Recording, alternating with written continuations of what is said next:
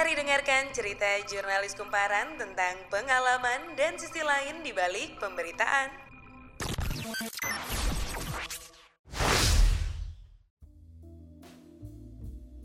Peraturan Gubernur tentang perluasan daerah ganjil genap di DKI Jakarta resmi berlaku 9 September 2019. Pelanggar akan dikenakan denda sebesar Rp500.000 dan dengan berlakunya perluasan ganjil genap ini, Pemprov DKI Jakarta berharap volume kendaraan bisa menurun hingga 40 persen. Selain itu, kualitas udara khususnya di Jakarta juga diharapkan akan membaik. Tapi, apa yang sebenarnya dirasakan masyarakat? Kami telah menghimpun beberapa pendapat masyarakat seperti berikut. Jadi hari ini tuh gue ngelewatin daerah Selipi terus sampai yang ke arah uh, mana namanya Kuningan ya. Mm. Kuningan itu terus yang mau ke Mampang.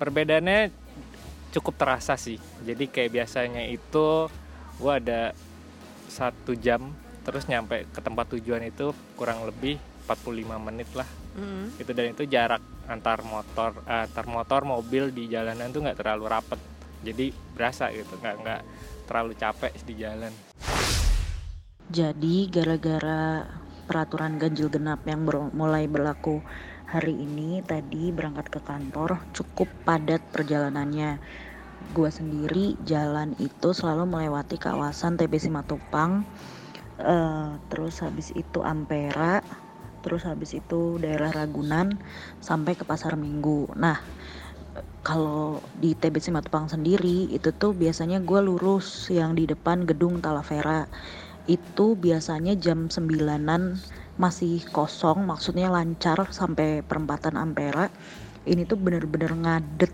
banget dari awal uh, jembatan.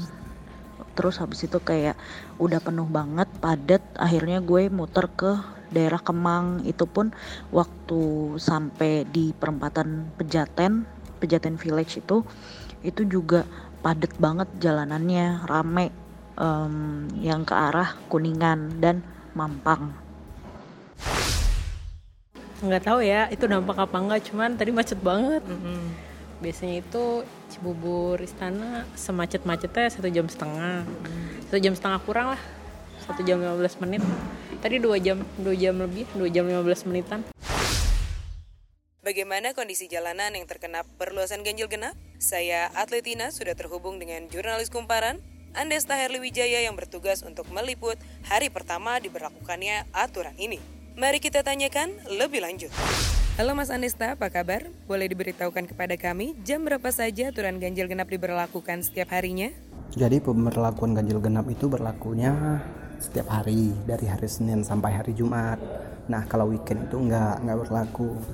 Jamnya itu kalau pagi mulai pukul 6 sampai pukul 10. Nah kalau sore itu mulai pukul 4 sore sampai pukul 9 malam.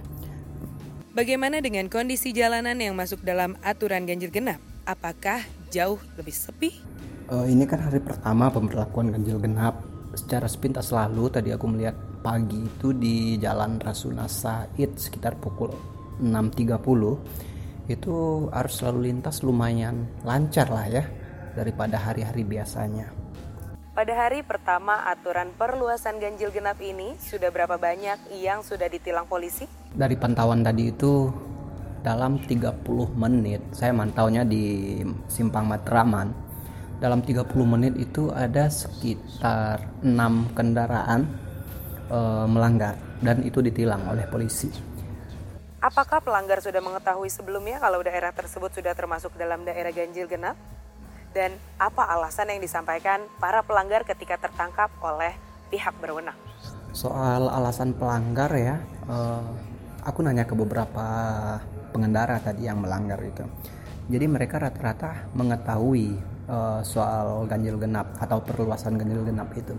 Tapi memang mereka mempunyai alasan yang beragam, misalnya uh, mereka diarahin sama Google Map, jadi mereka nggak tahu-tahu sudah sampai aja di, di jalur ganjil genap begitu ada juga yang beralasan itu jalur ganjil genap kebetulan berada di pintu keluar rumahnya jadi dia tidak punya alternatif lain begitu Eh, macam-macam alasan sih. Memang ada satu atau dua tadi yang memang mengaku belum tahu informasi. Dia tahunya sebagian di sebagian jalur, tapi khusus di jalur di dekat Matraman itu dia tidak tahu. Nah, kira-kira seperti itu memang alasan mereka cukup bervariasi ya dan sebagian besar secara umum memang sudah tahu informasi perluasan ganjil genap.